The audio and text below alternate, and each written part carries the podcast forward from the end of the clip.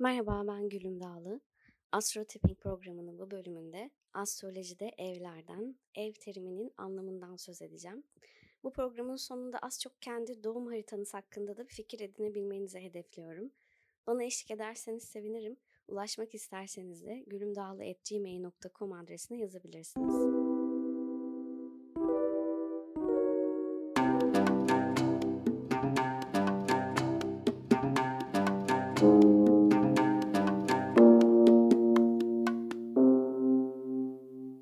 Astroloji konuşurken veya birilerinden dinlerken ev terimini hep duyuyorsunuzdur. Bu ev konusu astrolojinin en temel mevzularından biri aslında. Gezegenlerin sebep olduğu olayların hayatımızın hangi alanında deneyimleneceğini bu evler gösteriyor. Bunu 12 dilime bölünmüş bir pasta gibi düşünün veya 12 odalı bir apartman gibi düşünün. 12 daireli. Bu evlerin her biri hayatımızın farklı bir alanını anlatıyor başımıza gelen olayların, hayatımıza girip çıkan kişilerin nerede yaşanacağını belirlememize yardımcı oluyor. Ee, birinci ev yani bunu bir apartman gibi düşünürsek giriş katı yükselen burcumuz oluyor aynı zamanda. Evler burçlardan farklı tabii. Bunları birbirine karıştırmamak lazım ama neticede her evinde bir burcu var. Örneğin yükselen burcunuz koçsa birinci eviniz koç anlamına gelir ve sırasıyla ikinci eviniz boğa, üçüncü eviniz yengeç olmuş olur saat yönünün tersine e, burç sıralamasına göre bu şekilde ilerliyor haritalar. Dolayısıyla aslında siz benim burcum akrep dediğinizde e, bütün bir haritanız akreple dolu olmuyor.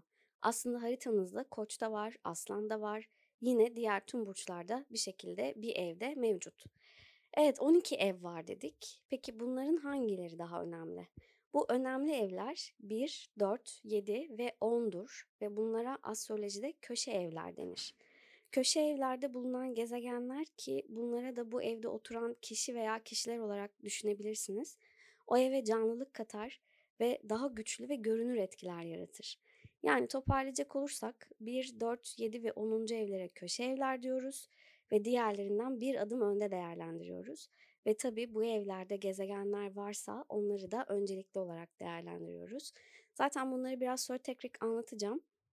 Ee, aslında her evin birbirinden farklı anlamları var ama aynı zamanda bir evin birden fazla anlamı da olabilir. Bir evin en temel anlamı anlaşıldıktan sonra hayatınızdaki her türlü olayı, kişiyi, yeri, durumu, nesneyi vesaire hangi evin temsil ettiğini belirlemeniz de kolaylaşır. Şimdi birinci evden başlayarak tek tek gidelim. Birinci ev aynı zamanda yükselen burcumuzu gösteren ev dedik. Ee, bir tür hayata başlangıç çizgisi gibi yani. Genel olarak yaşam kalitemiz, ruhumuz, vücudumuz, hatta vücudumuzun formu ve şekli yani fiziksel görünümümüz de birinci eve bakarak anlaşılır. Örneğin burada güzelliği ifade eden Venüs varsa ve e, sosyal hayatımızda şık, estetik, hoş bir görünümde olacağımızı tahmin edebiliriz. Tabii bu Venüs'ün sevdiği bir burçta ve iyi açılar altında olması kaydıyla da geçerli olacak bir durum.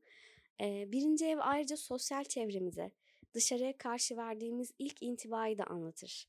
Bu kişi soğuk mu, sempatik mi, eğlenceli mi, sıkıcı mı gibi o ilk izlenimde yükselen burcumuz yani birinci evimizin simgelediği bir tavırdır. Ee, sağlık durumumuz, kişiliğimiz ve yeteneklerimizi de yine hayata girişi temsil eden birinci evden anlayabiliriz. Birinci evi bir tür ilk nefes gibi düşünebilirsiniz. Her şeyin başladığı, doğduğu yer, dış görünüşümüz, metabolizmamız, genel sağlık ve hatta yaşam uzunluğumuzla ilgili de bilgiler verir. Yükselen burç yöneticisi ve birinci evdeki gezegenlere bakarak hastalıkları yenme ve hayatta kalma gücümüzü de analiz edebiliriz. Ee, yükselendeki gezegenler yaşam kalitesini arttırıyor veya azaltıyor. Tabi sağlıklı bir yorum için e, birinci evin temsil ettiklerini bu evde bulunan burçla veya haritanın bütünü içerisinde de sentezlemek gerekebilir. İkinci ev ise daha çok parasal kazanımlarla ilgili bir yer. Buraya bakılarak gelirler, yatırımlar, birikimlerle ilgili konular görülebilir. Ayrıca tabii tüm taşınabilir mallarımız yani kısacası e, harita sahibinin maddi koşullarını gösteriyor ikinci ev. Aldığı transitlerle veya açılarla veya dolunaylarla, yeni aylarla bu evde bulunan gezegenin durumuyla Eee, yani kısacası birçok değişkene bağlı olarak kişinin maddi durum grafiği ya yükselir ya da düşer diyebiliriz. Eee, bir şirketin kar veya kazanç tablosuna yine şirketin haritası çıkarılarak ikinci ev incelenerek genel bir değerlendirme yapılabilir astrolojide. Özetle ikinci eve şöyle diyelim harita sahibinin varlıklarını ve finans durumunu gösteriyor. Mesela buraya yerleşmiş bir Jüpiter ki bolluk ve bereket simgeler Jüpiter buraya yerleşmişse kişinin finansal anlamda iyi durumda olacağı söylenebilir. Elbette Jüpiter'in diğer koşulları da sağlaması şartıyla. Astrolojide ikinci evin konusu ya da hedefi diyelim sahip olmaktır.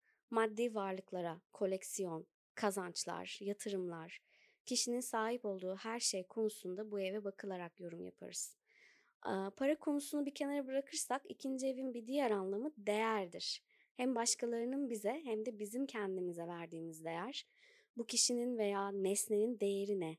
Ne kadar ediyor? Nasıl para kazanırım? Maddi refaha ulaşacak mıyım? Birikim yapabilecek miyim gibi danışan sorularının yanıtı e, ikinci evde aranır. Aslında bir tür fiyat etiketi gibi de düşünebilirsiniz. Üçüncü eve gelince hayata geldik, paramızı kazandık. Şimdi üçüncü evde iletişim kurmaya başlıyoruz.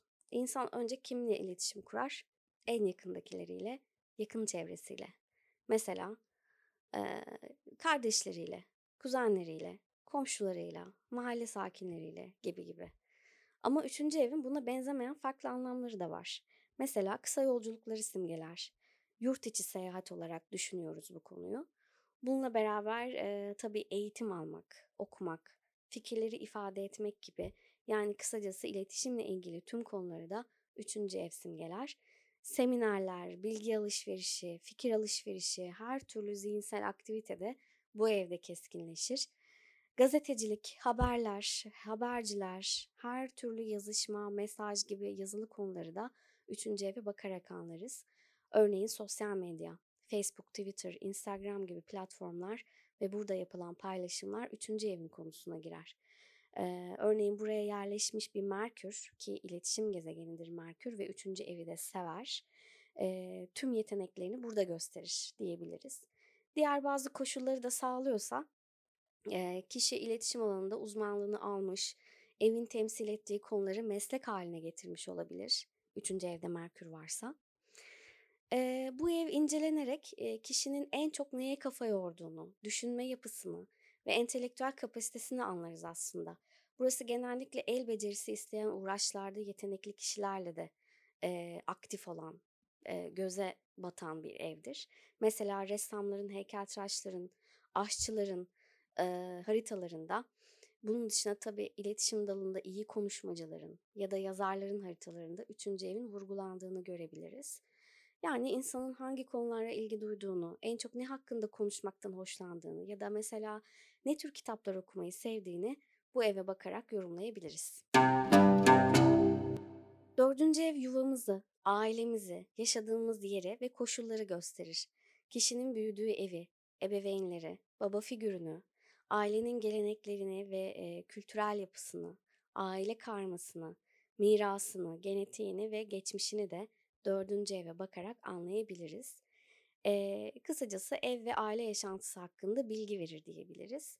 Kişinin ailesinden gelen itibarı, e, yaşadığı ev buradan görülür ve bir yer değişikliği ihtimali de bu eve bakarak anlaşılır. Dördüncü evin bir başka özelliği akrabalarımızı, atalarımızı, özellikle de baba tarafını simgelemesi. Buraya bakarak kişinin geçmişi kökleri görülebilir.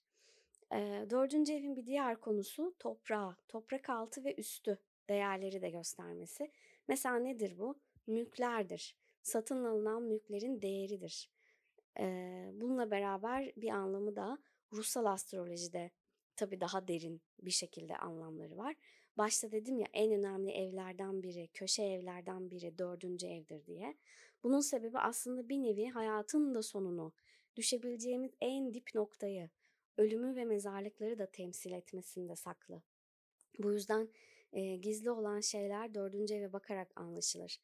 E, şimdiye kadar anlattıklarım arasında da da en içe dönük ve dışarı dışarıya kapalı alan dördüncü ev. Biraz melankolik, hatta nostaljik de diyebiliriz. Şöyle düşünün, gece yatağa yattınız, gözlerinizi kapattınız, kimse yok, kendinizle baş başasınız. İşte o sırada olduğunuz kişi, diğer insanlara göstermediğiniz yüzünüz dördüncü ev. Bu en dip nokta. Yani e, aynı zamanda son dinlenme yeri. E, dolayısıyla yaşlılık yıllarının da nasıl geçeceği, ne zaman emekli olunacağı gibi soruların yanıtı da dördüncü evde aranır. Beşinci evin aslında birbirinden bağımsız farklı anlamları var. Burası her şeyden önce kişinin çocukları veya çocuklarının durumunu simgeler. Bir danışan geldi, çocuklarıyla veya hamilelikle ilgili bir soru sordu. Bakılacak yerlerden biri beşinci ev. Ee, bir başka anlamı ise aşk. Aşk hayatımız, kısa süreli flörtler, romantizm gibi. Klasik astrolojide şans, zevk ve eğlence yeri beşinci ev. Nedir bunlar? Hobiler, oyunlar, eğlenceli aktiviteler gibi şeyleri temsil ediyor. Kendimizi ifade ettiğimiz sanatsal yönümüz ve tabii riskli spekülatif yatırımlarımızı da beşinci evden görürüz. Beşinci ev aslında şans evidir. Çünkü aslında Venüs'ün evidir burası. Latince'de de bona fortuna diye adlandırılmış iyi şans anlamına geliyor ve hayattan aldığımız zevkleri ve keyifleri ifade ediyor. Altıncı ev ise beşinci evin tam tersi mala fortuna diye adlandırılıyor. Yani kötü talih. Burası bir takım rahatsızlıkları ve evet kötü şansı simgeleyen bir ev. Yoğun ve detaylı çalışmalarımız, konsantrasyon gerektiren işlerimiz, bizim emrimizde çalışan insanlar, bir takım küçük hastalıklar, grip gibi, soğuk algınlığı gibi küçük rahatsızlıklar ve bu hastalıkların nedenini de aslında 6. ev anlatıyor. Kişinin sorumlulukları, günlük hayattaki görevleri, yapılan bazı angarya işler, mesela temizlik, fatura ödemek gibi ki eskiden sıraya falan girilirdi biliyorsunuz o anlamda angarya iş diyorum. Bunlar 6. evle temsil edilen konuların bazıları. 7. evde tıpkı 4. ev gibi köşe bir ev ve dolayısıyla en önemli en önemli evlerden biri. Burası ortaklık kurduğumuz kişilerle ilgili bir yer. Evliliği de bir ortaklık olarak görüyoruz astrolojide ve dolayısıyla eş ve eşimizin durumu da 7. eve bakarak anlaşılıyor. Örneğin buraya yerleşmiş bir Satürn evlilikle sor, evlilikte sorunlar veya evliliğin gecikmesine ya da hiç gerçekleşmemesine sebep olabilir. Aynı şekilde buraya ikizler gibi, yay gibi, balık gibi çift karakterli bir burç yerleşmişse ve diğer koşulları da sağlıyorsa tabii kişinin birden fazla evlilik yapacağı da öngörülebilir. Veya tam tersi burada boğa gibi aslan gibi sabit bir burç varsa evliliğin uzun ömürlü ve tek olacağı da düşünülebilir. Ee, yedinci ev evlilik ve ortaklıktan başka kişinin açık düşmanlarını, onunla rekabet edenleri ve bu rekabetten doğacak tartışmaları, düşmanlıkları da gösterir. Kontratlar, anlaşmalar, danışmanlık gibi işler de 7. evin diğer konuları arasında. 8. ev biraz zor bir ev açıkçası. Aynı zamanda çok derin ve mistik de bir yer. Çok genel anlamıyla ölümü, ölümün şeklini, bir takım korkuları ve zorlukları, acıyı ve kederi anlatır. Maddi dünyada ise miraslar, ameliyatlar, ortaklıktan elde edilen kazanımlar, ortağın veya eşin parası gibi konuları 8. eve bakarak çıkarırız. Alacaklar, borç veya kredi ile ilgili konular, tehlikeli konularla ilgili durumlar için 8. eve bakıyoruz. Burası bir transit aldığında genellikle e, çözülmesi gereken bir kriz ortaya çıkar. Bu kriz parayla ilgili olabildiği gibi daha manevi bir konuda da olabilir zaman zaman. Dokuzuncu ev ise benim şahsen çok sevdiğim ve özel bulduğum bir nokta açıkçası. Buraya Deus demişler yani Tanrı. İnançlar ve ruhsal konuların tamamını 9. ev simgeliyor. Klasik astrolojide çok genel anlamıyla felsefe evi olarak anılıyor ama aslında burada tüm dünyayı keşfediyoruz. Her şeyi tam olarak kavramaya başlıyoruz. Şans, zenginlik, manevi değerler ve öğretmenler geliyor hayatımıza. Bu evden yüksek bir bilgi alıyoruz ve yeteneklerimizi de burada gösteriyoruz. Yüksek öğretim almak, bu sayede dünyamızın gelişmesi, felsefe gibi, psikoloji gibi insana dair önemli keşifleri burada yapıyoruz. Dokuzuncu ev öyle bir yol ki e, bu yolda ideallerimiz var, hayata karşı duruşumuz var, ahlak ve etik kurallarımız var. Manevi olan her şey burada şekilleniyor. Asıl konusu bizden daha büyük olanı ve aslında bütün bir kainatı anlamak ve kabul etmek diyebiliriz. Bir tür varoluş felsefesi gibi düşünebilirsiniz. Kişinin hayata tutunduğu nokta, yaşama amacı gibi düşünebilirsiniz. Dolayısıyla bize bir şey öğreten, bize bir şey anlatan insanlar, mesela öğretmenler, mesela e, din görevlileri, danışmanlar ve gurular da 9. evle alakalı kişilerdir. Yine dua etmek, ibadet etmek, meditasyon yapmak gibi konularda 9. evle ilişkili konular. Kısacası burada bir tür kutsallık var. İlahi gerçeğin farkına varmak var. Güçlü bir 9. eve sahip olanlar zaten genellikle hayatta bilgi rolünü oynar. Örneğin akademisyen olabilirler, din görevlisi olabilirler, filozof olabilirler, yazar olabilirler. E, kötü açı altında da tam tersi dolandırıcı bir talikat lideri, kötü amaçlar uğruna inanç tuzağına düşüren e, insanları te- simgeler 9. ev ve gerçekten çok özeldir. Haritada vurgulanıyorsa ekstra incelenmesi gerekir. En azından ben öyle yapıyorum. 10. ev yine e, bir köşe ev olması vesilesiyle astrolojide en çok önem verilen e, tepe noktası dediğimiz yer. Dördüncü ev nasıl dip noktasıysa onun karşısında yer alan 10. evde tepe noktası. Burada kişinin mesleğini veya uğraşılarını görüyoruz. Hayatında, kariyerinde çıkabileceği en yüksek zirveyi görüyoruz. Ne kadar gidebilir bu insan? Nereye kadar varabilir? Dolayısıyla tabii ki idareciler, patronlarımız, yöneticilerimizi de bu ev gösteriyor. E, 10. ev genel olarak iş evi, kariyer evi olarak bilinir. E, simgelediği şeyler de haliyle şöhrettir, güçtür, prestijdir, başarı, statü, saygı, itibar gibi temalardır. E, 10. evin aktif olduğu, çok vurgulandığı haritalarda kişinin popülerliğe, işinde yüksek mertebeye geleceği öngörülür genellikle. Tabii ki e, diğer etmenleri de karşılıyorsa. Ama kısacası ana etkisi meslek veya iş üzerine kuruludur diyebiliriz. 11. ev astrolojinin en şanslı evlerinden biri. Ee, genel olarak arkadaşlıkları ve dostlukları ama bununla beraber de umutlarımızı ve gelecek hayallerimizi, gelecekten ne beklediğimizi de gösteriyor. Antik zaman astrologları bu evi iyi şansın ve iyi ruhun evi olarak tanımlamış. Bu eve düşen gezegenlerle e, kişinin ya şansı artar ya da azalır gibi düşünebilirsiniz. Mesela Jüpiter'in 11. evde verimli bir burçta olumlu açılar altında olması çok büyük talih sayılır. Hatırlarsanız ikinci evi anlatırken e, demiştim ki kendi çabalarımızla elde ettiğimiz maddi kazanç. 11. evin anlamıysa bir başka anlamıysa şans eseri bulduğumuz para. Piyango gibi düşünün yani. Aynı şekilde arkadaşlıkta şanslı olup olmadığımız, çevremizden ne şekilde destek göreceğimiz ya da göremeyeceğimiz de 11. eve bakarak yorumlanır. Yanışan geldi diyelim. Umutlarımın ve beklentilerimin karşılığını alacak mıyım? Hayallerim gerçek olacak mı diye sordu. Bu sorunun cevabı bu ev ve yönetici gezegenin konumuna da bakılarak verilir mesela. Bir örnekle açıklamak istiyorum bunu. Benim bir arkadaşımın haritasında 11. evinde en önemli saydığımız Güneş ve onun yanında da Venüs vardı. E, pozitif ve umut vadeden açılar altındaydı burası. En büyük hayali yurt dışına yerleşmekti, orada çalışmaktı, bir iş kurmaktı.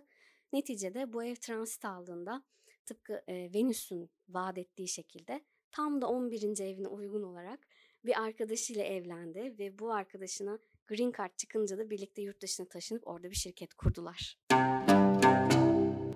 12. ev astrolojideki son ev. Aynı zamanda hayatın sonunu ve bir takım psikolojik sorunları da temsil ediyor. Mesela travmaları, mesela acıları, ayrıca gizli düşmanlarımızı, arkamızdan konuşulanları, kazılan kuyuları da gösteriyor. Kontrol dışı kayıplar bu evin e, ana teması. Bununla beraber yaratıcılık, hayal gücü, rüyalar. Biraz böyle inziva gibi düşünebilirsiniz bu alanı. İnsanın en karanlık, en mahrem yanı burada.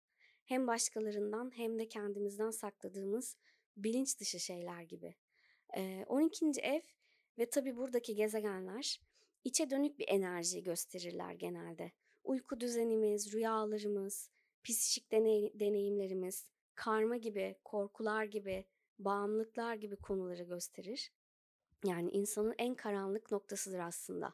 Kontrol edemediğimiz bir yerdir. Öngörülemez olayları gösterir ve buradaki etkilere bakarak da kişinin ne kadar gizli işlere yatkın olduğunu ve bunları ne kadar gizlilikte yapacağını anlarız.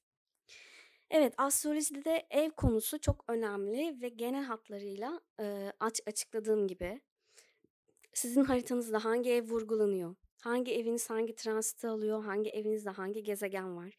Bunları bilmeniz bence önemli ve bir insanın hayatta öğrenebileceği, kendine dair keşfedebileceği en önemli ve en özel şeylerden biri.